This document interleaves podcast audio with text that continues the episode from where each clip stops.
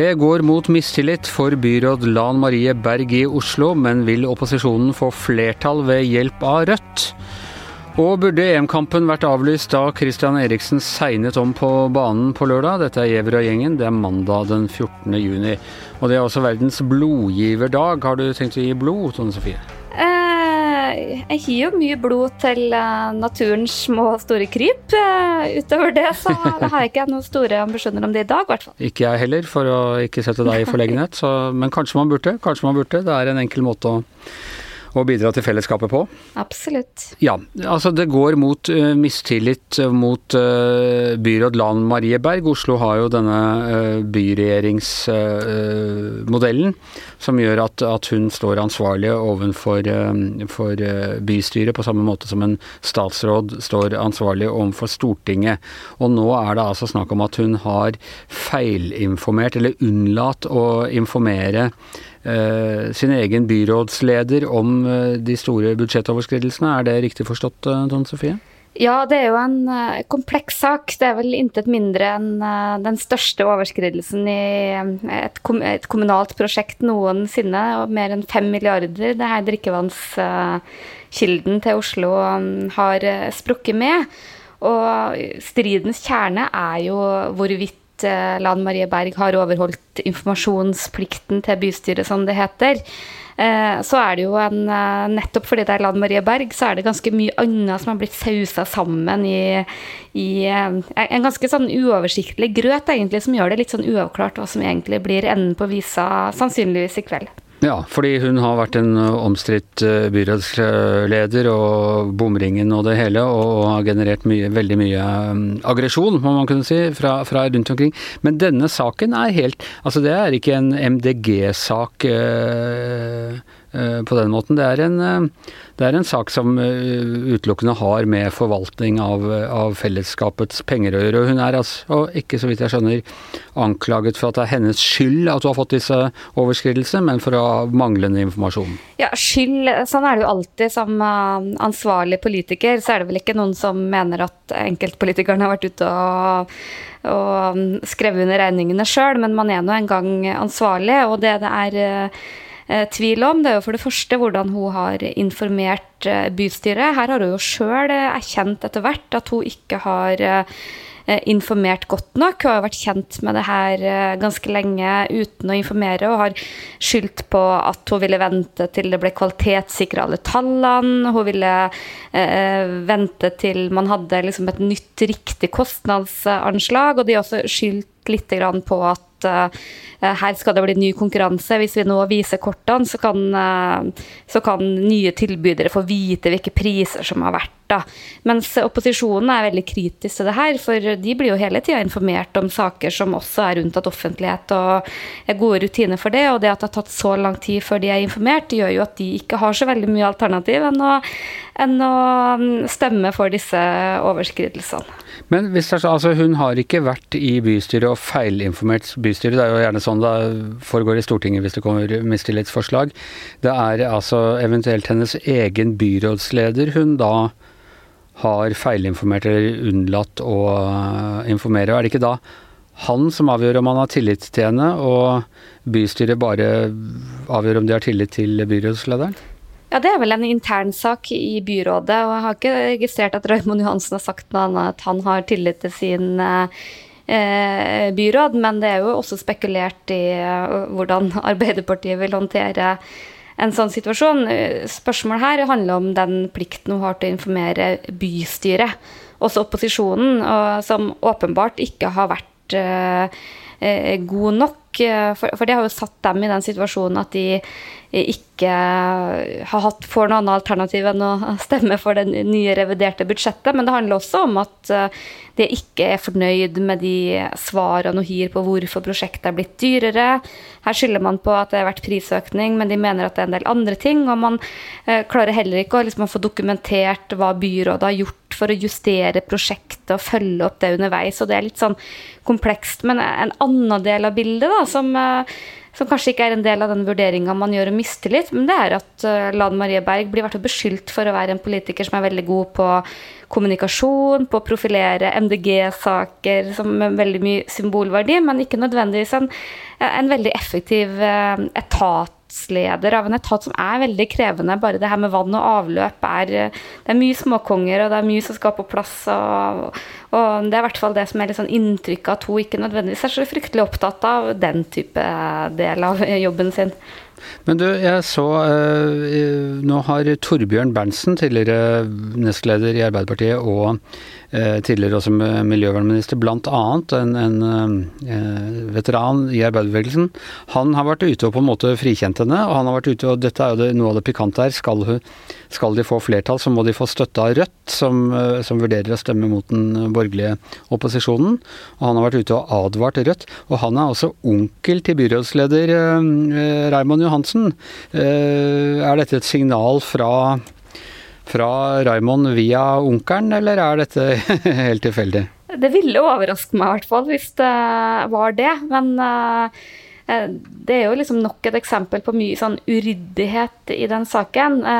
For det, det spesielle er jo Rødt at uh, nå er det vel i skrivende stund, da, den er jo i utvikling, den saken. Og vi vet jo at de fleste partiene skal ha gruppemøter i kveld og, og, finne ut hva de skal gjøre. Men vi vet jo at både Frp, Folkeaksjonen til bompenger, og nå også Venstre har jo sagt tydelig at de kommer til å støtte et mistillitsforslag. Så vet man ikke helt hva Høyre vil gjøre, men man tror vel at de også vil gjøre det. Så er det jo Rødt da, som har en avtale med byrådet som kan vippe det hele.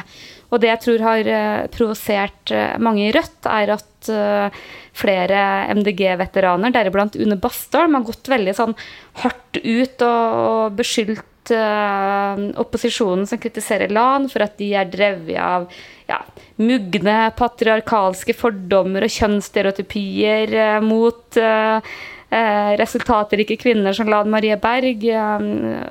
Eh, MDG-veteran Rasmus Hansson var ute i VG-dag og sa at det her handler ikke om parlamentarisk kontroll av makt, men om å ydmyke en politisk rival. Og de har liksom blanda inn veldig mye av det at Lan Marie Berg er en politiker som får mye hets. Og, og, det tror jeg på en måte har gjort det for det første veldig vanskelig for opposisjonen å vite helt hvordan man skal uh, legge an den saken. For de blir veldig fort sånn slått i hardkorn med kommentarfelt-grumset. Uh, det er ikke så veldig behagelig for dem.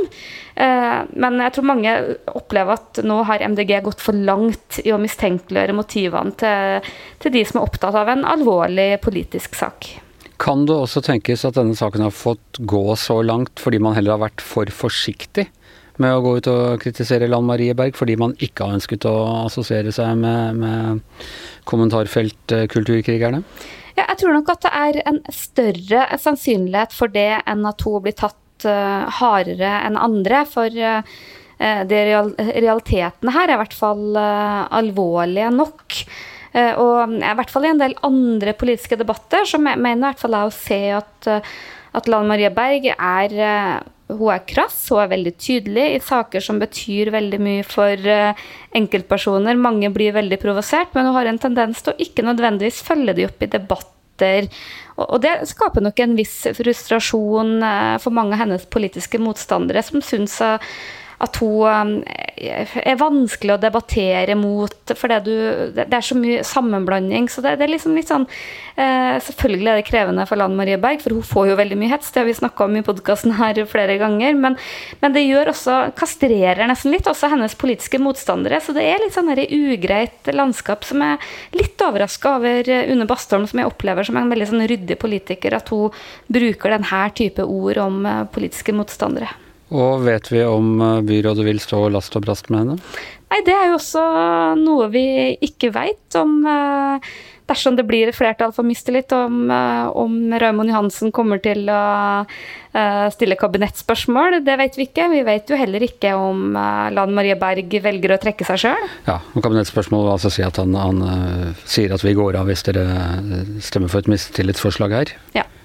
Så det er jo ganske mange, mange baller i lufta og ganske mye som er uavklart. Og det, er ikke, det har jo vært mistillitsforslag mot Lan Marie Berg, det er jo ikke så veldig lenge siden, knytta til disse arbeidsmiljøsakene. Eh, og, og, da tror jeg liksom vurderinga fra flere partier var at man orka ikke å løpe den linja ut. Da. Så jeg tror nok at det ble ansett som langt mer alvorlig den gangen her. Ja, Og det er altså i kveld at bystyret møtes og at de eventuelt skal stemme over dette? Nei, i kveld er det gruppemøter i de politiske partiene hvor de sannsynligvis da kommer til å konkludere, men det kan jo hende at man trenger mer tid, og så er selve bystyremøtet her på onsdag.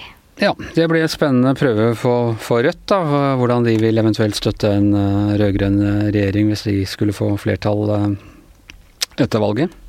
Absolutt, og det er jo liksom signalet vi har fått, at i Rødt er ganske sånn ulike meninger om det her. Og også for å gjøre det litt ekstra komplisert, så har nok MDG og Rødt vært litt sånn frenemies inni dette samarbeidet. Og vært liksom på kollisjonskurs i, i, flere saker, så det blir um... Slåss om mange av de samme velgerne også, rett og slett. ja. Ok, eh, det blir spennende å se. Tusen takk skal du ha, Tone Sofie. Ja, det er sjelden at man opplever så mye dramatikk i idretten som det vi opplevde på, på lørdag, da Christian Eriksen altså segnet om eh, på banen eh, foran da øynene på, på antagelig millioner av, av eh, tilskuere. Hvordan opplevde du selve øyeblikket, Leif Welhaven? Det gikk så fort. Det var et helt surrealistisk øyeblikk. Man fikk liksom ikke helt med seg hva som skjedde spillere stimlet til, ble liksom sittende og tenke litt. Hadde det vært noe vært en takling jeg ikke hadde sett, eller hva dette Men så, men så skjønner man jo altså ganske fort at dette dreier seg om at han rett og slett altså, har, altså, har, falt om. Og det er jo noen det er jo et øyeblikk på en, altså på, på, på, altså på, en fotballbane som jeg tror ingen som har opplevd det noensinne, kommer til å glemme. Det er en av verdens største fotballstjerner som altså kollapser i et EM som akkurat er i gang. Det er, og det er jo nettopp det at vi er jo ikke helt uvant med at fotballspillere av og til kanskje overdriver litt fallene sine og sånn, som gjør at man, man, sitter litt Det går litt ekstra tid før man helt skjønner alvoret. Det gikk så fort, og så ser du på ja, Det går noen sekunder før, altså, før, det synker inn, men klart når man begynner å se på se ansiktsuttrykkene på, på altså personene rundt, så går det relativt raskt opp eh, at dette er faktisk ordentlig alvorlig. Og Du skrev jo om dette da i, i, helgen, og rett etter at det skjedde. Og du mener at man burde ha avbrutt kampen? Ja, jeg mener at man burde ha avbrutt uh, kampen. Altså det, som, det som skjer, er jo en enormt traumatisk uh, hendelse. Altså Kristian Eriksen måtte få altså, livreddende førstehjelp uh, på stedet. Altså Der og da visste ingen hvordan dette ville komme til å ende. Altså, Simon Kjær, som er kaptein på Danmark, var en av de første til altså, som, som hjalp han, som, altså, som var helt, helt, helt Eh, på stedet. Og da spørs det eh, Og alle lagkameratene står rundt, og det er en traumatisk opplevelse. Og selv om du på et tidspunkt altså får at man skjønner at det kommer til å gå bra med han, så er det mennesker som er i sjokk, som, som akkurat har opplevd et sånn type traume.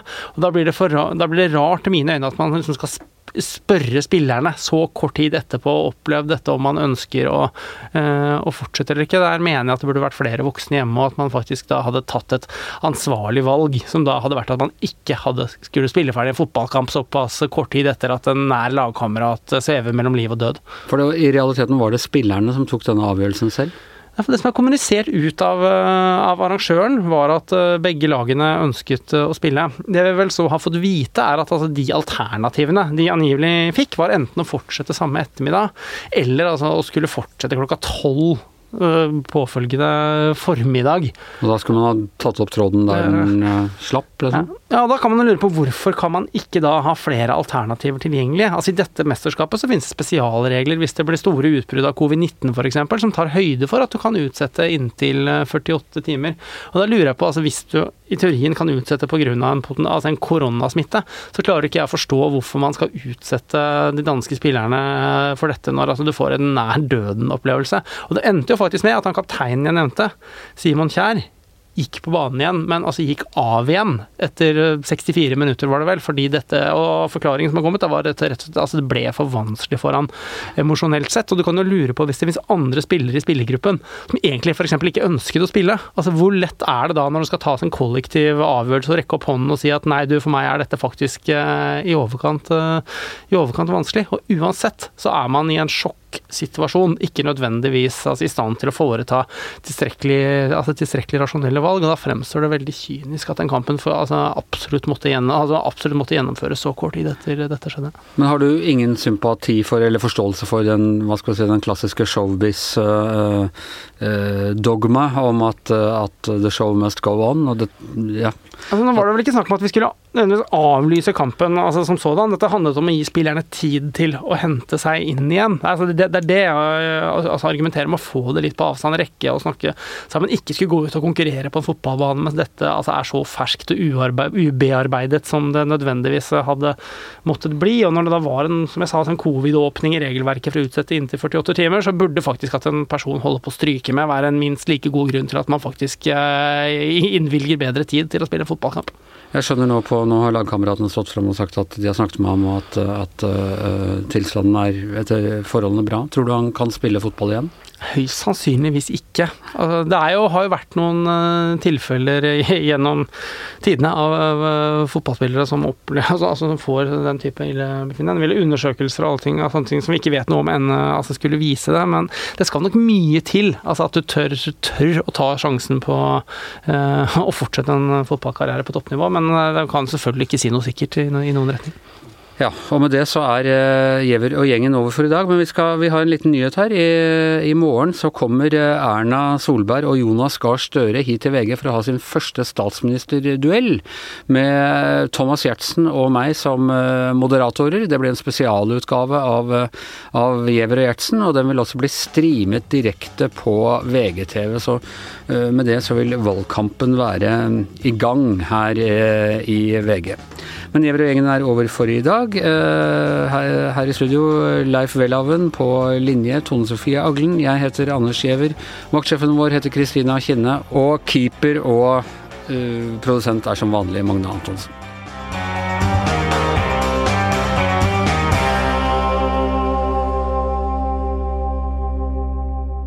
Du har hørt en podkast fra VG.